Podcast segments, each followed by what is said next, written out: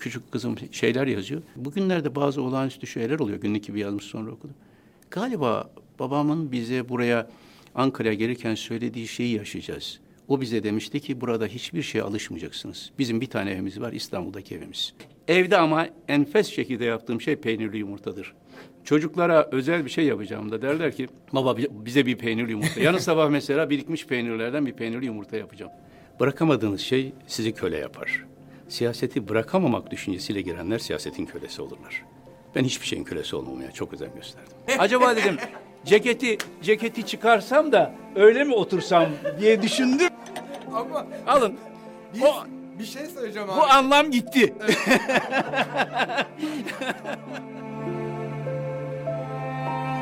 Ahmet Bey hoş geldiniz. Hoş bulduk. Sadece kendi merak ettiklerimi soruyorum. Aslında hayatımda ilk defa başbakanlık yapmış birisiyle karşılaştım. Daha önce 54 yaşındayım ben. Daha önce hiç başbakanlık yapmış birisiyle karşılaşmamıştım. o yüzden biraz heyecan verici bir değişik. Siyaset insanın bırakamayacağı bir şey mi Ahmet Bey? Ee, öyle değil. Aslında siyaset toplumun her kesiminin değişik şekilde ilgilendiği bir alan. Ee, ama şahsen bana sorarsanız bırakamayacağınız şeyler hayattaki değerlerinizdir. Ee, siyaset bu değerlere bir araçtır. Ben akademik hayatta da aynı değerleri savundum, siyasette de. Siyasete büyük bir hırsla ve plan içinde girmedim. Bırakırken de hiç o anlamda zorlanmadım. Hatta çok ilginç bir hatıramı nakledeyim. Başbakanlığı bıraktıktan bir hafta sonraydı veya bir müddet sonraydı şu anda tam hatırlayamıyorum. Bursa'ya ziyarete gitmiştim. Ulu Cami'den cuma namazı sonra çıktığımda çok geniş bir kalabalık. Kalabalığın içinden birisi ortalığı yararak geldi. Şöyle bir so- şey- sorusu, bir şey soracağım baş. Buyurun dedim. Ben de 30 yıllık muhtarım. Muhtarlığı bırakamadım. Siz bir haftada başbakanlığı nasıl bıraktınız? Şimdi bu güzel bir soruydu. Ee, Armağan Bey, bırakmaktan korktuğunuz şeylere girmeyeceksiniz. Bırakmaktan çekiniyorsanız, bir gün bırakacağınız günü hayal edemediğiniz hiçbir işe girmemek lazım. Hep hayatımda prensip olarak aldığım, Kur'an-ı Kerim'de de bir ayet olarak geçen, hep şuna dua ettim. Onurla girdiğim yerlerden onurla çıkmayı nasip et Allah'ım diye. Onurla girip onurla çıkabilmek önemli. Bırakamadığınız şey sizi köle yapar. Siyaseti bırakamamak düşüncesiyle girenler siyasetin kölesi olurlar. Ben hiçbir şeyin kölesi olmamaya çok özen gösterdim. Siz başbakanlıktan istifa edince e, sanki bende uyanan duygu siz bir daha siyaset yapmaz mısınız gibi bir duyguydu. Demek ki ben yanılmışım. Benim de kanaatim oydu açık söyleyeyim. Dediğim gibi ben siyasete baş danışmanlık görüyorum. 90'lı yıllarda, daha önceki dönemde 3-4 kez milletvekilliği teklifi almıştım. 95'te daha 35 yaşındayken. Milletvekili hep mesafe koymuştum. Baş danışmanlık görevi yaparken de ilk fırsatta akademik hayata döneceğim diye çalıştım. 2007'de de o zaman Sayın e, Başbakanımız e, Sayın Recep Tayyip Erdoğan tek milletvekilliği ve arkasında muhtemel bir bakanlık tabii Abdullah Bey Cumhurbaşkanı olacağı için Sayın Gül. O zaman da hayır deyip akademik hayata dönecek. Ben, ben siyasete parti kapatma davası açıldığı 2008 Mart'ında girdim. AK Parti kapatılma davası açılınca o şartlarda arkadaşlarımı ve demokrasiye ile demokrasi için mücadele eden e, siyasileri yalnız bırakmamak için siyasete girdim ve o zaman AK Parti üyesi oldum. 2016 Mayıs'ında ayrılırken de tekrar akademik hayata dönmek üzere. Yani akademik hayattan aslında hiç kopmamıştım. Hep yazdım, çizdim. Ama e, si- siyaseti 2018'e, 2019'a kadar o zaman milletvekilliği bitene kadar devam edip sonra akademik hayata dönme diye düşüncesindeydim. Ve hep böyle düşündüm. Ancak ülkenin gidişatı öyle bir hal aldı ki ve eski bir başbakan olarak bu ülkeye olan borcumun tamamlanmadığı düşüncesiyle de ve birçok yerde de 1 Kasım 2015'te biz size oy vermiştik ve o dönemde bırakmak suretiyle aslında bize karşı bir borcunuzu tam ifa etmemiş olduğunuz eleştirilerini de göz önünde bulundurarak önce parti içinde itirazlarımı yerine dile getirdim. Yani parti AK Parti içinde ve doğrudan Sayın Cumhurbaşkanı'na sonra bunlar netice vermeyip partiden ihraç süreci başlatıldığında da yeni bir siyasi hareketi başlatmak zararı oldu. Siyasete gir, tekrar bu anlamda dönüşüm e, bir anlamda ülkenin gidişiyle ilgilidir. Ülke iyiye doğru gittiğini düşünseydim kitaplarımla son derece mutlu olurdum. Başbakanlığı bıraktıktan sonra be, altı Türkçe bir İngilizce kitap yazdım. Dolayısıyla mut, şeyden mutluyum. Aslında daha üretken oluyor değil mi insan? Ya- Yani ikisi de üretkenlik. Ben siyaseti de akademik hayatı da birbirinden koparak yapmadım. Siyaset yaparken okumaya, kısmen de yazmaya devam ettim. O pozisyonun gereği. Vaktiniz oluyor muydu Ahmet Bey? İlginçtir mesela başbakanlığı bıraktıktan sonra çıkan ilk kitabım Medeniyetler ve Şehirler kitabı. uzun uçak yolculuklarında Dışişleri Bakanı iken yazdığım bir kitaptı. Her insanın bir dinlenme yöntemi var. Ben genellikle iş değiştirerek dinlenirim. Yani siyaset beni yorduğunda bir kenara çekilir, birkaç saat kitap ve e, yazmakla uğraşırdım. Uçak o uzak 10 12 saatlik e, ki bazen daha da uzun yolculuklar olurdu. Bir seferinde bir haftada bir dünya turu yapmış, yapmak zorunda kalmıştık. O zaman e, diplomatlar, bürokratlar kendi takdimlerini yaptıktan sonra onlar çekilirlerdi. Ben kitapları masamın üzerine koyar ve o kitaplarla dinlenirdim. Başbakanlıkken genellikle saat iki civarında eve gelirdim. Yani sabah ya gece yarısından sonra bir iki. Bir saat kadar kitap okumazsam veya bir şey yazmazsam uyuyamazdım. Çünkü bütün o devlet e, hayatının getirdiği sorular zihninizi meşgul eder. Oradan bir kopmanız gerekir. Kütüphaneme giderim, biraz kitap okurum, biraz tefekkür ederim gece. Sonra e, istirahate çekilirdim. Yani insan hayatı bölünemez Armağan Bey. Yani bir insan belli bir bir hayat disiplini, kendince önem verdiği şeyleri yaptığında tek bir hayat içinde akar. Yani akademik hayat şurası, siyasi hayat burası, sivil hayat şurası, spor hayatı burası, sanat hayatı burası diyemezsiniz. Hepsini bir hayat içinde entegre etmeye çalışırsınız. Siz Konya'da büyüdünüz değil mi? Ee, tam değil. Yani Konya'da Taşkent ilçesinde Toros Dağları'nın zirvesidir. Gittiniz mi bilmiyorum o taraflara hiç. Gittim evet. Ee, bir daha sefere benim misafirim olun. Otantik e, Yörük Türkmen geleneğinin bin yıl hiç bozulmadan sürdüğü bir ortamda doğdum. Dört yaşına kadar orada kaldım aslında. Annemin vefatı sonrasında e, babam tekrar yine çok muhterem bir hanımefendiyle evlendi. Bizi büyüten annemiz.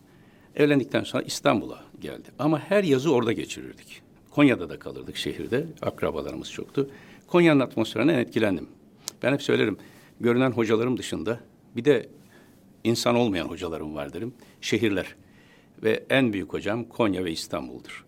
O anlamda Konya'yı yaşadım. Konya'nın içinde bulundum. Hele hele o dağ köy e, şeyinde, e, Torosların o zirvesinde o, o Türkmen, Yörük Türkmen geleneğinin, o Horasan'dan beri gelen Horasan erenleri diye bilinen geleneğin hala yaşadığı bir ortamda ve o dualarla, o kültürel şiirlerle, doğaçlama, ozanvari o yapılan kültürel atmosferin içinde büyüdüm. Kaç kardeşsiniz Ahmet? Biz yedi kardeşiz. Oo. Anlamlı bir hikayesi vardır. Üç kardeşim ilk annemden yani beni dünyaya getiren annemden. Üç kardeşim de, üç kız kardeşim, her ikisi de altı kız kardeşim var. Hepsi birbirinden iyi altı kız kardeşim. Üç kardeşim de beni büyüten annemden diyeyim. Ve o kadar güzeldir ki işte bu Anadolu insanın irfanı. Her ikisini de rahmetle anıyorum. Ben kendi annemin yüz, yüzünü dahi hatırlayamam. Ee, ikinci annem, mem, birincisi Memnune annem, ikincisi Sefure annem. Yani bizi büyüten annem. Hiçbir ayrım yapmadan büyüttü. Öyle ki kardeşlerim birbirlerinin ayrı annelerden olduklarını ancak 8-10 yaşlarında öğrendiler. Ne kadar güzel. E, dolayısıyla babam e, son derece müşfik ama aynı zamanda ilkeli bir insandı. Ailede belli bir disiplin vardı. Disiplinin en önemli şeylerden bir tanesi de bu ayrılıkların olmamasıydı. Öyle bir şefkat ortamı içinde büyüdü ki babamın o disiplini, şefkati, annemin de bize kendi öz çocuklarından ayrı gütmeyen bir bakış açısı. E, dolayısıyla altı kız kardeşim, çok sayıda da yeğenim var dolayısıyla. dolayısıyla. Ama hiçbirini birbirinden ayırt etmem. Her biri benim için aziz bir emanettir. Her iki annemden ve babamdan. Aslında şey Kafkas Tebeşir Dairesi'nin ee, iyi bir örneğisiniz. Evet. Değil mi? evet ama onu hiç yaşamadık. Yani yani Kafkas Tebeşir Dairesi'nde gerçek anneyle evet. diğer anneyi ayırt etmek için bile olur. Bizde öyle bir durum olmadı. Öyle ki birinci annemizden yani benim öz annemden bahsetmeyi bile bazen ortada şey addederdik. Sanki ikinci annemize haksızlık gibi. Hatırasını yaşatırdık. Annem ve babam bizi Konya her gittiğimizde benim annem o Taşkent'ten, o Torosların dağ ilçesinden ve köyünden e, doktora şey yetişemediği için yani hasta Konya yetişemediği için e, vefat eder. Yani Konya geldiğinde Konya'dadır kabri. Hiçbir ayrım olmadan bütün kardeşlerim Konya ilk gittiklerinde o kabri ziyaret ederler. Ben de öyle. Ve annem yani ikinci annem de hep beraber giderdik. Öyle büyüdük. Diğer annemi de kaybettim 1995 yılında. E, dolayısıyla iki kez yetim kalmış gibi olduk. o, o, öksüz kalmış gibi olduk. Ahmet Bey, eğitim hayatının başında da akademisyen olmak mı isterdiniz yoksa Boğaz içine girince mi akademisyenlik Yok, fikri doğdu? akademisyen olmayı isterdim. Babam beni çok e, yani kendisi ilkokul mezunu okuyamamış o imkansızlıkla çok iyi bir öğrenci olduğu halde. Dolayısıyla bir misyonla büyütme özen gösterdi. sınırlamadı. Ama daha ilkokul ikinci sınıftan itibaren benim özel kütüphanem vardı evde. İlk yazımı e, ulusal bir gazetede ilkokul beşinci sınıftayken yazdım. İyi bir kütüphanem hep oldu ve her hafta sonu mutlaka cumartesi günlerini sahaflarda geçirirdim. Ortaokul öğrencisiyken. İlkokulu İstanbul'da Hacı Süleyman Bey İlkokulu'nda okudum. Fatih'te. E, o Konya'daki o e, dağ, e, dağ e, Türkmenlerinin ortamından İstanbul'daki mahalle kültürünü, tarihi mahalle kültürünü tanıdım. E, daha sonra Bahçelievler'de bu sefer yeni gelişen bir semti tanıdım. Sonra İstanbul Lisesi'ne girdim. İstanbul Lisesi benim hayatımda ciddi rol oynadı. Çünkü bir taraftan o Anadolu'nun irfanı, hikmeti, o şeyleriyle alıyorsun. Bir taraftan da Alman öğretmenlerden Batı kültürünü alıyorsunuz. O ikili etkileşim zihnimi o derece meşgul etti ki ve Türk modernleşmesinde en önemli Doğu-Batı diyalektiği e, beni kitaplara sevk etti. Çok erken yaşlarda Batı klasiklerini tanıma şansı aynı anda da Doğu klasiklerine ilgimi artırdı. Dolayısıyla ortaokuldan itibaren zaten çok iyi bir kütüphanem. Zihnimde sorular, devasa sorular bir ortaokul öğrencisi, lise öğrencisine göre ağır sorular ama niye geri kalmış olduğumuzun hikayesini sorgulamak ülke olarak. İstanbul gibi tarihi bir mekanda büyümüş olmanın ve böyle üç imparatorluğun başkentinde büyümüş olmanın onuru var. Ama bir taraftan da özellikle okulda Doğu Batı denklemleri içinde Batı karşısına geri kalmışlığın hissiyatı var. Bütün bunların bir zihniyet problematiği olduğu kanaati zamanla bende oluştu. Bu daha lise 2-3'de yani bir ekonomik gerilikten daha çok zihniyetle ilgili bir problem var sorusu. O zaman da doğal olarak akademik hayata yöneliyorsunuz. Yani siyasal bir problem olarak görmedim başlarda. Ha, şimdi de öyle düşünüyorum. Bugün dahi meselemiz siyasi bir mesele değil, bir zihniyet meselesidir. Siyaset o zihniyetten olumsuz etkilendiği için sıkıntılar yaşıyoruz. Otoriterleşme eğilimleri, demokrasiden sapmalar bir zihniyet problematiğidir. Kurumsal problematik de var. O yaşlarda zihniyet olunca ilginiz doğal olarak zihin neyle şey yapıyorsa bir de 70'li yıllar sizin de takriben herhalde aramızda 5-6 6 66 doğumlu. Evet 7 yaş var. Yani bizim lise çağları, sinik okul çağları, yaşadığınız 70'li yılları e, sol sağ denklemi içinde de sol bir ortamda büyüdüm. Yani İstanbul Lisesi, Boğaziçi Üniversitesi. Ama ben kendimi sağcı olarak görmedim hiçbir zaman. Fakat ilgilendiğim alanlar ve bu ülkenin, bu toplumun o klasik değerlerine olan saygım dolayısıyla bu ikisini mezzetmeye çok çalıştım. Marksist literatürü de ilk kez ortaokul çağlarında okuduk hepimiz o günkü şartlar gereği. Bütün o meseleler beni akademik hayata yönlendirdi. Ortaokul Marksizm okumak için çok erken çok, değil doğru, mi? Doğru, doğru ama o yıllar, o çok erken yaşlarda insanların e, politize olduğu yıllardı gençlerin. 68 neslin hemen sonrası. Ben 68'de, 69'da ilkokulu bitirdim. Düşünün yani bütün dünyada gençliğin politize olduğu, emperyalizme karşı duyguların e, kıpraştığı, Tavan yaptı. tavan yaptığı, insanların onurlu bir gelecek için mücadele hazır olduğu, bir tarafta Che Guevara'ların, diğer tarafta efendim Filistin direnişinin, e, is- e, bizim doğu şey anlamında da Eritre'den Moro'ya kadar bir direniş dönemi ve sizin gençliğiniz bunu bu direnişin en doğru nasıl yapılacağı yönünde arayışlarla geçiyor. Ve Marksizm bu anlamda o zaman için bir direniş şeyi, bir zihni direniş hareketi olarak dikkatimizi hem celbetmişti hem de bulunduğumuz ortamlar dediğim gibi sol hareketlerin güçlü olduğu ortamlardı. Onlarla tartışırken de bilmek durumundaydınız. Tarihi ve diyalektik materyalizmi Stalin'in hala kitabı elimdedir. İlk okuyup kenarına not aldığım Polisenin felsefenin başlangıç ilkelerini veya Marx'ın kapitali benim lise üçüncü sınıf, ikinci sınıfta kütüphanemdeydi. Hala kenarına not aldığım nüsha vardır. Çünkü bütün o trendleri takip etmek durumundasınız. Ama farkımız şuydu açıkçası şahsen şey yaptım. Onu okurken Farabi'yi de okuyorduk. İbn Haldun'u da okuyorduk. Sol hareketler onları okumadan bir literatür geliştirdi. Bizim hani doğuya olan aidiyetimizin ve kendi medeniyet havzasına olan aidiyetimizin eklediği ek yük ama zenginleştirici yük biz onlar dışında bir başka klasik lezzetin Mevlana'nın Mesnevisinden Farabi'nin Medinetül Fadıla'sına kadar olan eserler bu size olağanüstü bir serüven Erman Bey. Ben kendimi şanslı addediyorum. Böyle bir dönemde yaşamak hem geleneksel bir kültür ortamının hem modernitenin hem de küreselleşmenin üçünü birden yaşayan bir nesiliz biz. Heyecanlı bir nesil. her an yeniliklerle karşı Ama karşıya bir- neoliberalizmi de yaşıyoruz. e, yaşıyoruz tabii. Tabii. E, o neoliberal düşüncelerin hakim olduğu dönemlerde var. Liberal düşüncenin de temel kaynaklan doğru olan tabii ki e, özgürlükçü birey e, bilincinin geliştiği bir ortam ama aynı zamanda neo- neoliberal ekonomilerin gelir adaleti yönünde ortaya çıkardığı devasa uçurumları da yaşadık. 2008 krizini ben Dışişleri Bakanı olarak yaşadım. E, Avrupa'da kitlelerin Atina'da, Paris'te, e, Madrid'de kitlelerin süratle fakirleşmesi dolayısıyla ortaya çıkan siyasal krizlerin hepsini yaşadık.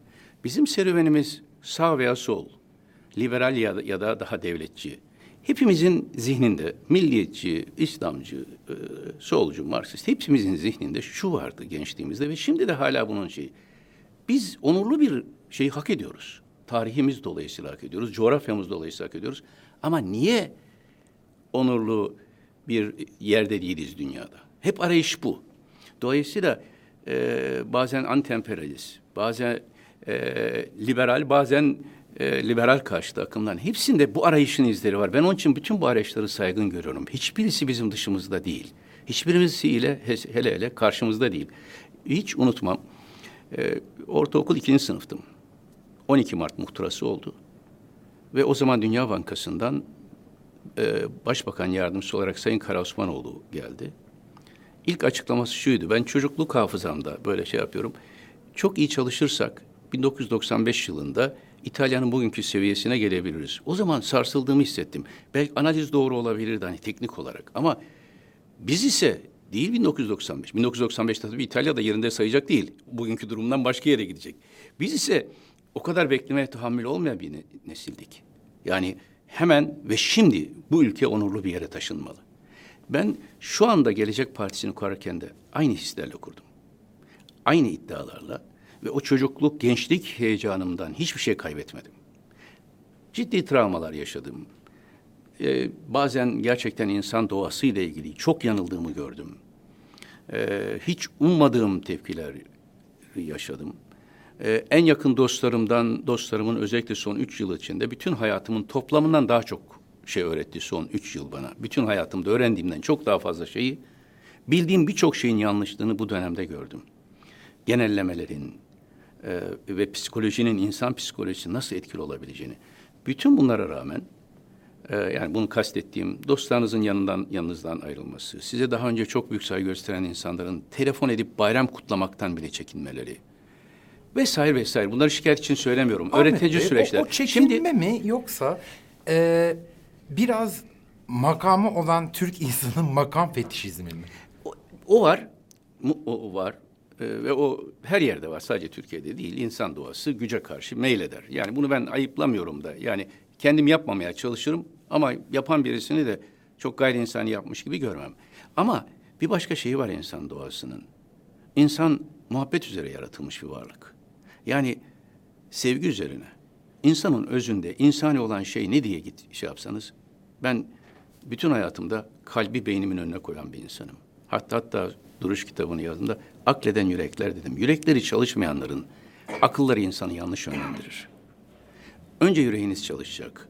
Bütün kararlarda devlet ya da akademik vicdan ve akıl terazisini koydum ama vicdanı hep öne aldım. Beni rahatsız eden insanların makamı olan teveccühü değildi. Tabii ki ben başbakanken gösterilen ilgi daha sonra sürdürülmez. Bu beklememdi. Ama insanların vicdanından gelen sesi dinlememeleri beni rahatsız eden şey. O da şöyle bir dinlememe.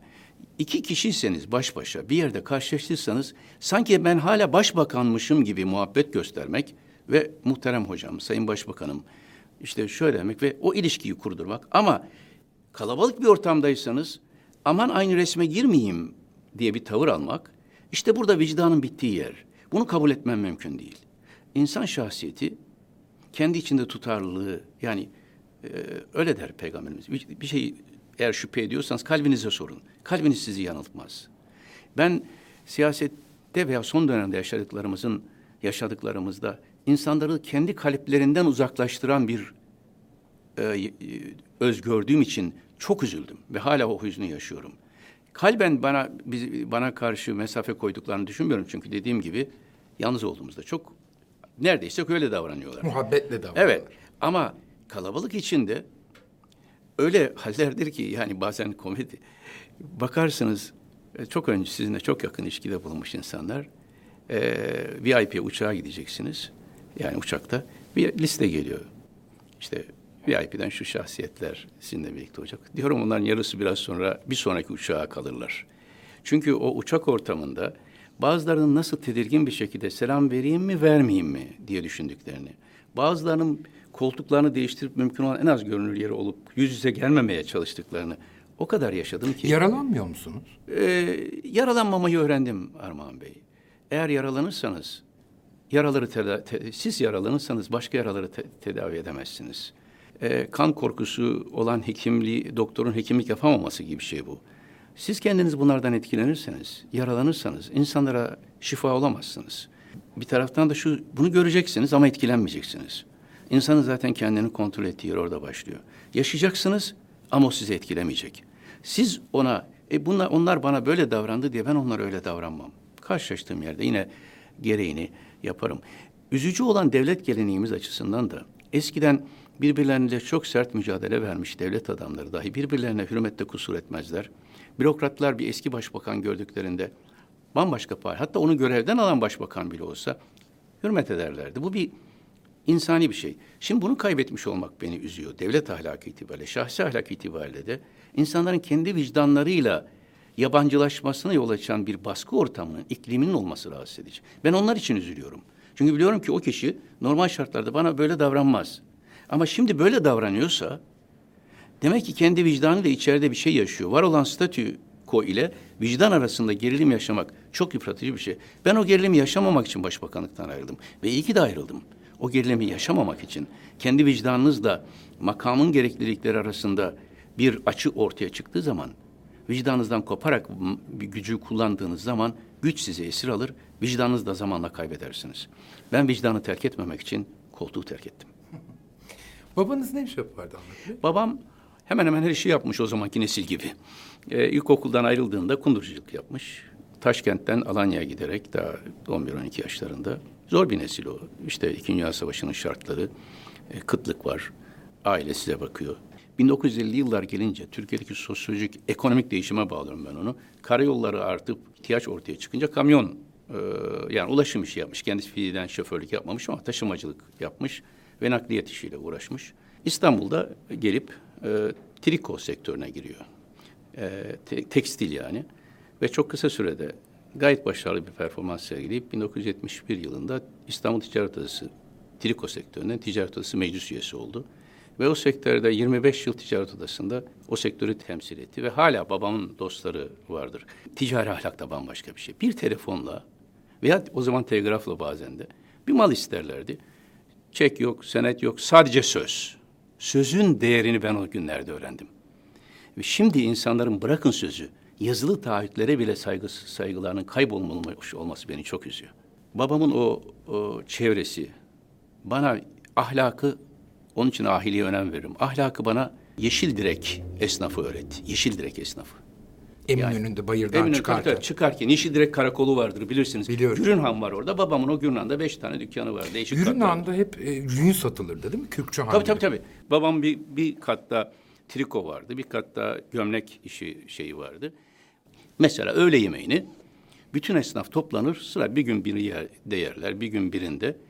Ve komşular birbirlerine ben amca diye bakardım. Yine Suudi Arabistan'da başbakan olarak işte gittiğimde e, tava şeye girerken tavafa doğru etrafımızda onlar çok çok güvenlik şeyi alırlar.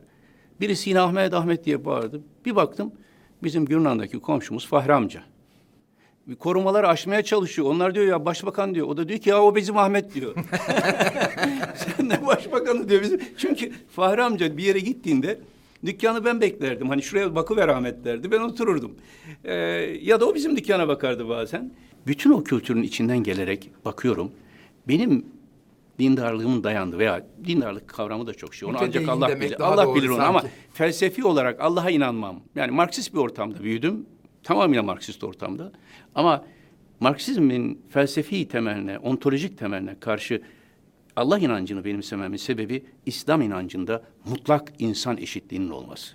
Daha önceki bütün ayrımcı ne Hinduizmin kas sistemini, Roma'nın köleci sistemini reddeden Siyahın beyaza, beyazın siyaha, Arap'ın aceme, acemin Arap'a üstünlüğü yoktur tezi şeyini 6. yüzyılda söylenmiş olması. George Floyd'un e, öldürüldüğü şeyde e, yani bu şartlarda birçok yerde şimdi Hazreti Peygamber'in o sözü var. Siyahın beyaza, beyazın siyaha üstünlüğü yoktur. Bizde genellikle Arap'ın aceme, acemin Arap'a üstünlüğü yoktur şeklinde ama diğeri de var. Şimdi eşitlik dürtüsü önemli bir dürtü. Ahmet Bey notu kıt bir hoca mıydınız? Zor soru sorardım, çok zor. Öyle. Hatta tabii e, ama notum kıt değildi, adildim. Benim öğrencilerim hatta O zaman o- siz Boğaz içinde muhtemelen e, sınavından korkulan hocalardan bir tanesi. Boğaziçi'nde maalesef e, hocalık yapma şansım okudum ama hocalık yapma şansım o günkü 28 Şubat şartları geriye olamadı. Ama Marmara Üniversitesi, diğer üniversitede Malezya'da okuttuğum bir öğrencim var. Söylediği şey, bir yerde söylediği şey bu. Yani boşnak bir öğrenci. Şu anda Amr Bukviç, Bosna Savaş, Bosna Savaş şartlarında Ali İzzet Begoviç rahmetli. Şahsi şeyimizde temasımız da vardı. Çok sayıda öğrenci gönderdi. Hepsiyle tek tek ilgilendim. O zaman 30'lu yaşlarda dediğim 1992-93. Bir tane gelen öğrencileri üçe ayır, ayırdım. Bir gruba siz diplomat olacaksınız. iyi yetişecek. Hepsi işletme okumak istiyorlardı. Çünkü sizin devletinizin diplomata ihtiyacı. Bir grup uluslararası hukuk okuttum. Bir grubu da işletme. Bir tane o öğrencilerden biri, en seçkinlerden biri Amir Bukuç. Şimdi şu anda Bosna'nın en büyük finans kuruluşunun başında. Bir yerde şöyle diyor, benimle ilgili bir konferansta konu. Ahmet Hoca'dan ders alırken her sefer çok zevk alırdım ama sınavına girdiğimde bir daha zinhar ondan ders almayacağım derdim. ama sonra tekrar ders alırdım diyor. Çünkü sınavı ben hiçbir zaman salt ezbere dayalı sınav sorusu sormazdım. Bazen bazen defterlerinizi açın istediğiniz gibi yazabilirsiniz der ve karşılaştırmalı imaginatif, kreatif sorular sormaya özen gösterirdim. Çünkü o size iyi talebi ayırt ediyor. Armağan Bey, bazı talebelerim beni çok yanılttı son dönemde. Şu anda siz yani bu eleştirinin tutumunun içinde yer alan çok sayıda öğrencim de var. Yani görüyorum. Bazı öğrencilerim çok daha e, şey e, bunu korumaya çalıştı. Ama öğrenciyi gördüğümde bir madeni keşfeder der gibi bakarım. Şu ana kadar da yanıldığım çok az oldu. Yani kaliteyi şu öğrenci bunu yapar dediğimde ve tek tek seçmişimdir. Şimdi isimlerini zikretmek istemem. Şu anda hangi pozisyonda olursa olsun kaliteyi gördüğüm anda anlarım. Bunda hiç mütevazi değilim. Ee, bir mülakat yapayım, beş dakikalık bir mülakatla o öğrencinin ileride e, iyi bir teorisyen mi olacağı, iyi bir uygulamacı mı olacağı, özgün makaleler mi yazabileceği yoksa literatür ağırlıklı makaleler mi yazabileceği, bir konuyu iyi mi aktarabileceği yoksa o konuya öz, e, kendi katkısını mı bunları ayırt edebilecek şeyi Ne dersi verirdiniz Ahmet Bey? Uluslararası ilişkiler teorisi, Türk siyaseti, medeniyetlere giriş. Ee, bir üniversitede formel okuttuğum dersler vardı. Yani e, daha çok siyaset bilimi ve uluslararası ilişkiler ağırlıklı. Ama bir de bizim şimdi maalesef benim de başbakanlık yaptığım yani genel başkanlığını yaptığım bir partinin iktidar olduğu bir dönemde kayyum atanan Bilim ve Sanat Vakfı'nda 20 yıl aralıksız hafta sonu ders verdim. Hint medeniyet tarihi dersi verdim mesela. Hint medeniyeti. Upanishadlardan Gandhi'ye kadar Hint klasik metinlerinin hepsini seçtiğim özel bir talebe grubuna 20 kadar öğrenciye iki sene okuttum. Şimdi onların hepsi çok iyi akademisyenler. Kimisi yurt dışında, kimisi yurt içinde.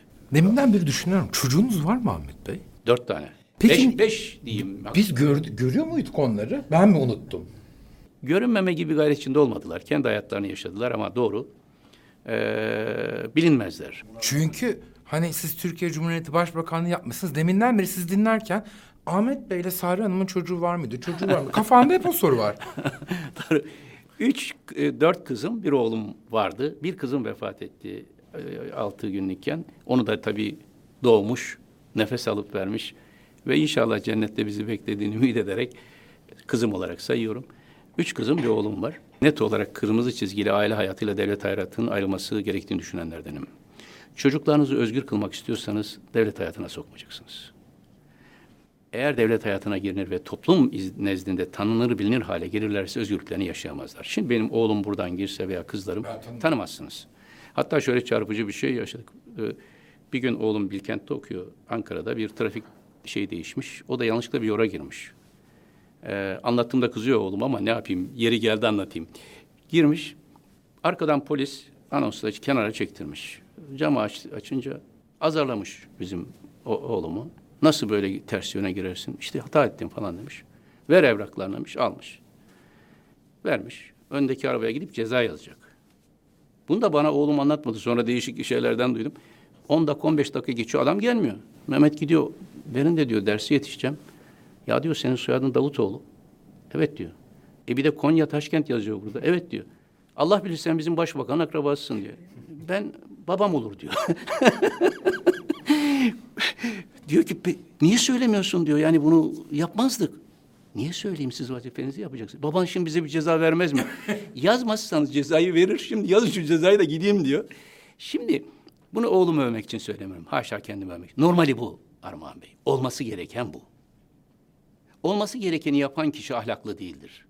Olması gerekeni yapan kişi, olması gerekeni yapan kişi doğal olandır.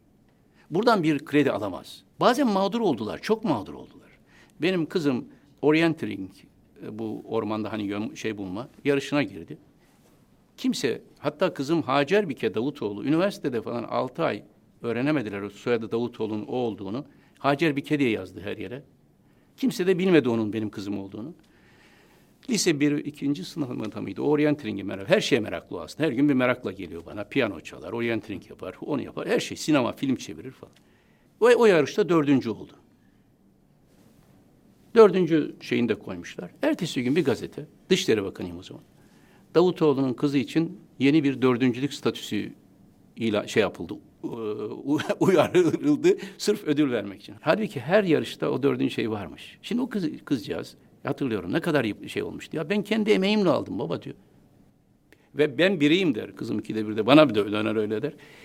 İns çocuklarımızın birey olduklarını, kendi başlarına hayatı idame ettirebileceklerini ve kesinlikle devlet hayatıyla bağlarının olmaması gerektiğini onlara öğretemezsek, benim gibi başbakanlığı bıraktıktan sonra özgür olamazlar.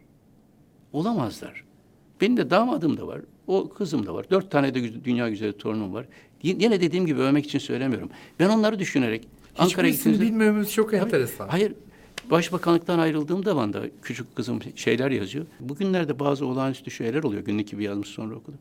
Galiba babamın bize buraya Ankara'ya gelirken söylediği şeyi yaşayacağız. O bize demişti ki burada hiçbir şeye alışmayacaksınız. Bizim bir tane evimiz var İstanbul'daki evimiz. Bunlar hepsi geçecek. Galiba İstanbul'daki eve geri dönüyoruz onu hissediyorum demiş ya tartışmalarda. Yazmış oraya. Şimdi bunu yine dediğim gibi sakın ha bir karşılaştırma için söylemiyorum. Ama olması gereken, doğru, normal olan bu. Bunu yaptığımız zaman herkes rahat eder. Ve bu sadece bugünkü siyasilerin, devlet adamlarının aileleri için, onların aileleri bizim ailemiz gibidir. Ben geçen gün e, Başak Hanım'a, Demirtaş'a yapılan saygısızlık dolayısıyla tweet attım. Ben HDP ile her türlü mücadele yürütürüm. Terörle mücadele yürütmüş başbakanım. Ama kim olursa olsun eşine, ailesine, çocuğuna dokunulursa söz söylenirse onun karşısında da en sert mücadeleyi veririm. Sonra aradık şeyler yaptım. Sara Hanım'la görüştüm. Biz böyle olması lazım. Sara Hanım ben Dışişleri Bakanı iken de vazifesine devam etti. Çünkü o öyle yolla mutlu oluyor yani doktor olarak. Ben vazifem, kamu vazifesi biter geri dönerim. Hepimizin siyaset dışında normal akan bir hayatının olması lazım. Döndüğümüzde gariplik hissetmemek için sığınacağımız bir yerimizin olması lazım. Ev insan evi sığınağıdır. Ailesi sığınağıdır. Sığınağı dış dünya açmamak çok daha doğru. O oradaki şeyi yaşarsınız. Hayatımın çocuklar da söylüyor. En şey aile olarak en şey günlerini bu koronavirüste yaşadık. Sabah akşam yemekte beraberiz. Arada beraberiz. Filmi beraber seyrediyoruz muhteşem bir şeydi. Yani deseler ki bu korona dedim bu e, korona hazretlerinin bize yaptığı en büyük iyilik oldu. Yani aileyi bir araya getirdi. Öyle yapamıyoruz normal şartlarda. Aile hayatını hepimize sen gösterelim. Ahmet Bey, bu kadar süre zarfında ne ne olduğu zaman keşke siyasete atılmasaydım dediniz. Zor ve hüzün dolu bir soru diyeyim. Birçok kere söyledim, şey yaptım. Hiç siyasete atılmasaydım demedim. Ben kaderi tartışmam. Yani yaşanmış şey iyidir. Ee, neticesi ne olursa olsun iyidir. Ya olumsuz bir şeydir size bir şey öğretir, ya olumlu bir şeydir siz başkalarına bir şey öğretmişsinizdir. Dolayısıyla hiçbir zaman o pişmanlığı duymadım. Ama muhataplarım adına üzüldüğüm anlar oldu. Yani e, beni başbakanlıktan ayrılmaya sevk eden MKYK ki hepsi benim kıymetli arkadaşlarımdı 50 kişi benim yönetimimde. Ben yokken bir imza toplanıp önüme getirdiklerinde ve sonra onların büyük çoğunluğu gelip bir talimatla bu imzayı atmak zorunda kaldık. Size çok mahcubuz, hakkınızı helal edin dediğimde, de- dediğinde onlar adına üzüldüm. Onlar adına keşke siyaset böyle olmasaydı dedim. Bazı konferanslarımın benim de içinde bulunduğum bir partinin iktidarı dönemde o sırada o, o partinin içindeydim. Benim konferanslarımın iptal edilmediğini gördüğümde o akademisyenler o rektör adına üzüldüm. Nihayet hepsi bitecek. O rektör tanıdığım bildiğimiz insan hepsi karşıma gelecekler. Nasıl olacak bu? Bütün bu hayat boyu düş, hüzün yaşadığım şey İstanbul Şehir Üniversitesi'ne bir sürü yanlış diye söylemiyorum şirket, üniversite şey spor kulübü çok milyarlarca liralık şeylerle kurtarılırken kendi borcunu ödeyebilecek durumda olan ve sadece kanunun gerektirdiği yeniden yapılanma talebini bankadan talep eden, o da kanunla sağlanmış bir şey. Bir üniversiteyi 7 bin öğrenci, 7 bin öğrenci, bin akademisyen ve çalışanı bütün geleceğini karartan, karartan o kararı gördüğümde ya bu siyaset ne kadar çirkinmiş dedim. Benden bir hesap varsa benden alınsın. Ceza verecekse ben buradayım. Niye bu gençleri cezalandırırsınız? Ve o gençlerin birçoğu Boğaziçi Üniversitesi'nde okuyabilecek puanı almışken şehir üniversitesini Boğaziçi'nde veya Sabancı başka ünivers- üniversitelerin adı önemli değil. En iyi üniversitelerde okuyacakken orada, orayı tercih etmiş. Ve orayı şehir üniversitesini bitiren üniversitelere şu anda Harvard'da öğrenciler, Kolombiya'da, İngiltere'de, Oxford'da. Her dünyanın her yerinde öğrenciler var. Filipinlerli bir öğrenci birinciydi ve şehir üniversitesi olmaktan gurur duyuyor. Filipinler, 85 ülkeden öğrenci. Dedim ki hangi siyasi kin, ihtiras, öfke bir kişiye duyulan nefret sebebiyle böyle bir sonuca ulaşabilir? Şimdi herkesin ve benim de çok merak ettiğim bir soruyu soracağım. De. Bilmiyorum daha önce size bu soruldu mu ya da kimseye soruldu mu? Üzerinizde giydiğiniz kareli ceket bir siyasi partinin sembolü gibi oldu. Öyle mi? Evet, bir dönem. O kareli ceketlerin bir anlamı var mı? Yoksa hayır, bizim hepimizin zevki bu mu? Yol, e, çok basit cevap vereyim. Kareli ceketin bir anlamı taşıdığını bilseydim giymezdim. Neden giydim? Çünkü sizin arkadaşlarınızın bizim ar- arkadaşlara verdiği bir haber vardı. Arka fon Fon. simsiyah, mümkün olan en beyaz ceketi giyin. Ama evet, siz- sabah Ahmet Hanım- Bey, siz Hanım'la bak- başbakanken de hep böyle kareli Yok, ceketler yok, giyerdiniz. yok, yok. Şeyde yani özel bir tercih Biz hepimiz oturduk onlara siyasi anlamlar Ya, falan yok. derin derin anlamlar yüklemeye çalıştık.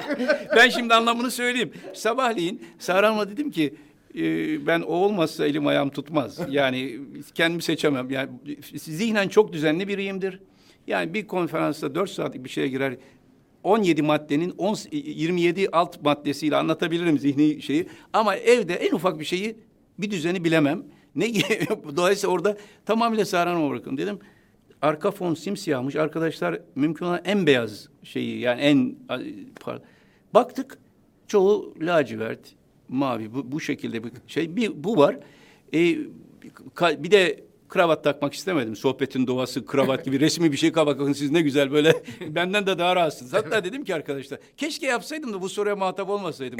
Acaba dedim ceketi ceketi çıkarsam da öyle mi otursam diye düşündüm. Ama Alın. biz, O, bir şey söyleyeceğim bu abi. anlam gitti. Ama Ahmet Bey belki okumuşsunuzdur. Tanıl Bora'nın bu kareli ceketler üzerine yazısı var. Biliyorum da ben sabahleyin elimde bulunan ceket koleksiyonundan diyeyim çok da fazla büyük bir koleksiyonum olmadığı için genellikle biz devlet hayatında ya lacivert ya mavi şey siyah ceketler giyiyoruz. Hani re- resmiyet gereği. E, geriye nadiren yani bu diğerleri de yine böyle kareli ama lacivert falandı. E, şimdi lacivert bunun arkasında gözükmez diye elimdeki tek ceketi giydim. Böyle bir yoruma tabi olmayacağını bir şimdi de Ama çıkardım. Ahmet Bey bir şey söyleyeyim. Bence programın bu kısmı bir sürü insanda çok şey ifade edecek.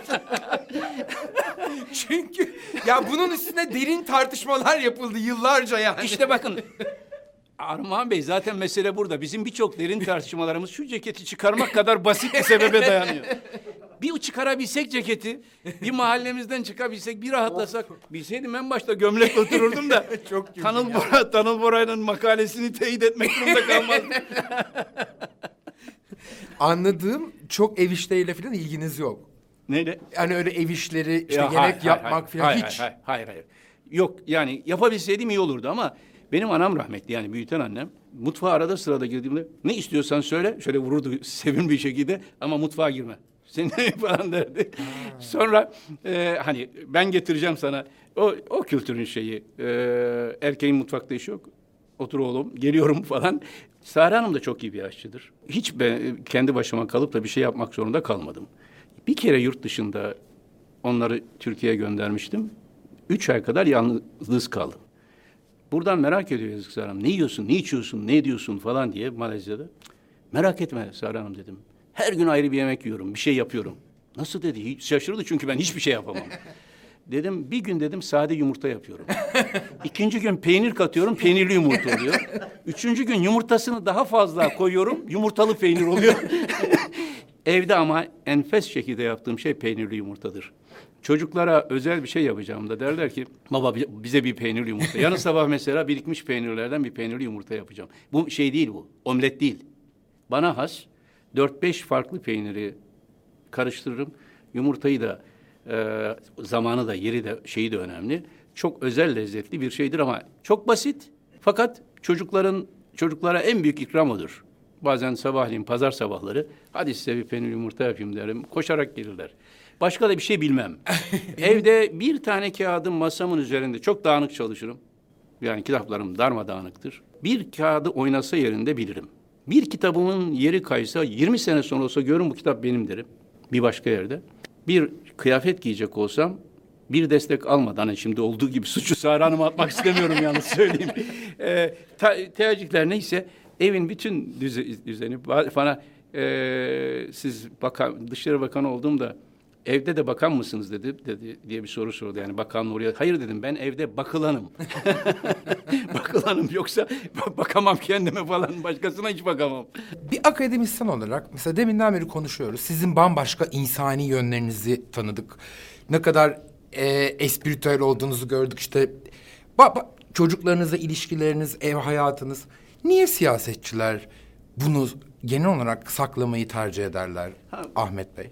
Bir bunun pozitif yönünü söyleyeyim. Ben gerek olmadıkça ev mahrem hayatının dışarı yansıtılmasını doğru bulmayanlardanım. hiçbir şey konuşmadık Heh, ki. Hayır doğru. Ama doğal olduğunda da hiç sakınmam. Yani şimdi olduğu gibi. Yani sorduğunuz zaman söylerim. Ama sormadan da e, evimizi, evini, e, ev dediğim gibi ev sığınaktır. Dedemin bir sözü var. İki şey oradan böyle ben altı yaşındayken vefat etmiş. Her gün sabah şunu ederdi oğlum dua olarak sen de et dedi. Ya Rab bana öyle bir feyzi kanaat ver ki değil namerde, merde dahi muhtaç eyleme. Yani merde dahi muhtaç.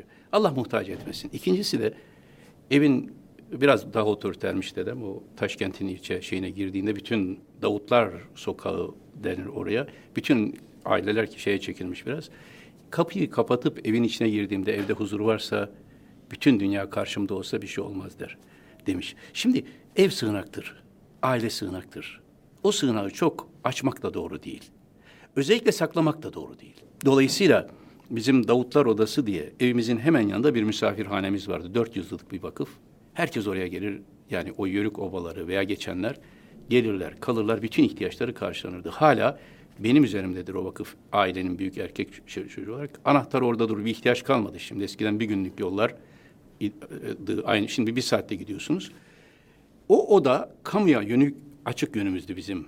Şimdi görüyorum. Kendi evimizse kendi dünyamıza kapalı. Ben aile hayatının bu anlamda saygı görmesi ve mutlaka öze- özel halinin korunması lazım. Özel kalmalı. Bir soru geldiğinde ama işte siz sordunuz anlattım. Bunda da bir yanlışlık da yok. Ee, özel bir saklama gayretim olmadı. Çocuklar kendi hayatlarını yaşadılar, yaşıyorlar. Ama illa ve mutlaka ben ailemi de gündeme getireyim diye bir çabayı da doğru görmem. Ama daha çok şöyle bir şey. Em, siyasetçiler galiba daha otoriter gözükmeyi tercih eden insanlar. Ee, hani şimdi sizin de insani taraflarınız var. Mesela çok keyifli. Orayı gördüğümüzde bence insanlar orayı gördüğünde siyasetçilerle daha iyi bir iletişim kurabilirlermiş gibi bir hissim var Ahmet Bey. Şöyle bir şey diyeyim Erman Bey. Bu, bu da bir tabir olarak, klişe demeyeyim ama bir ilki olarak. Anın gereğini yapmak lazım. Anın gereği. Yani o anın Anda gereği. kalmak diyorsunuz. O anın gereği. Şimdi şu anın gereği sizinle samimi bir sohbet yapmaksa Mütevessim olacaksınız, konuşacaksınız, rahat olacaksınız. Ama anın gereği bir terörle mücadele yürütmekse, anın gereği devletin e, e, kurumlarını çalıştırmaksa orada disiplin esastır. Orada e, o kararlılığı gösteremezseniz ve bu anın gereğini oraya yansıtır ve laubalilik gösterirseniz kimse sizi devlette ciddiye almaz. Dışişleri Bakanı olarak anın gereği ülkeyi vakar ile tem- te- te- temsil etmektedir. Beni bilenler bilir. Mütevaziyimdir. Yani Mütevazi olmaya çalıştığımdan değil. Ama Dışişleri Bakanlığı olarak bir uluslararası foruma, bir toplantı salonuna girerken tevazu doğru değildir. Orada hep zihnimde şey belirir. Yine çocukluğumda lise birinci sınıfta okumuştum. Tolstoy'un Hacı Murat'ını. Malum Hacı Murat, Şeyh Şamil'in en yakını. Sonra Ruslara teslim olur. Bir şey Şeyh Şamil onu gönderir işlerine girsin diye bir ihanet eder. O önemli değil ama Tolstoy Şeyh Şamil Hacı Murat'ı opera salonunda girişini anlatır. Rus generalinin olduğu. Yani teslim olmuş düşünün. Zelil, şey bir durum, zelil bir durum aslında. Teslim olmuş. Tamam yiğit bir insan ama teslim olmuş. Öbürü de teslim alan taraf.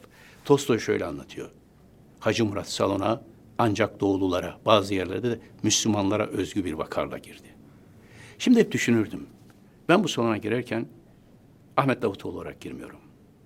Türkiye Cumhuriyeti Dışişleri Bakanı olarak. Ve arkamda 81 milyon insanın, bütün bir doğunun, bütün bir o gönül coğrafyasının kimliğiyle giriyorum. Orada mütevazi olunmaz. Ahmet Bey, çok teşekkür ederim Ben teşekkür geldiğiniz ederim. için. Çok keyifli bir sohbetti. Sizi bu kadar yakından tanımakta e, bence çok değişikti. E, olun. ayrıca da ceket esprisinde bize eşlik ettiğiniz için de ayrıca teşekkür ederim. Memnuniyetle bilseydim pencere şeyle de gelirdim. Çok teşekkür ederim. Çok teş- ben teşekkür ederim. Gerçekten ben de çok e, haz aldım. Ümit ederim izleyiciler de haz alırlar. Çok Sağ olun. teşekkürler. Sağ olun.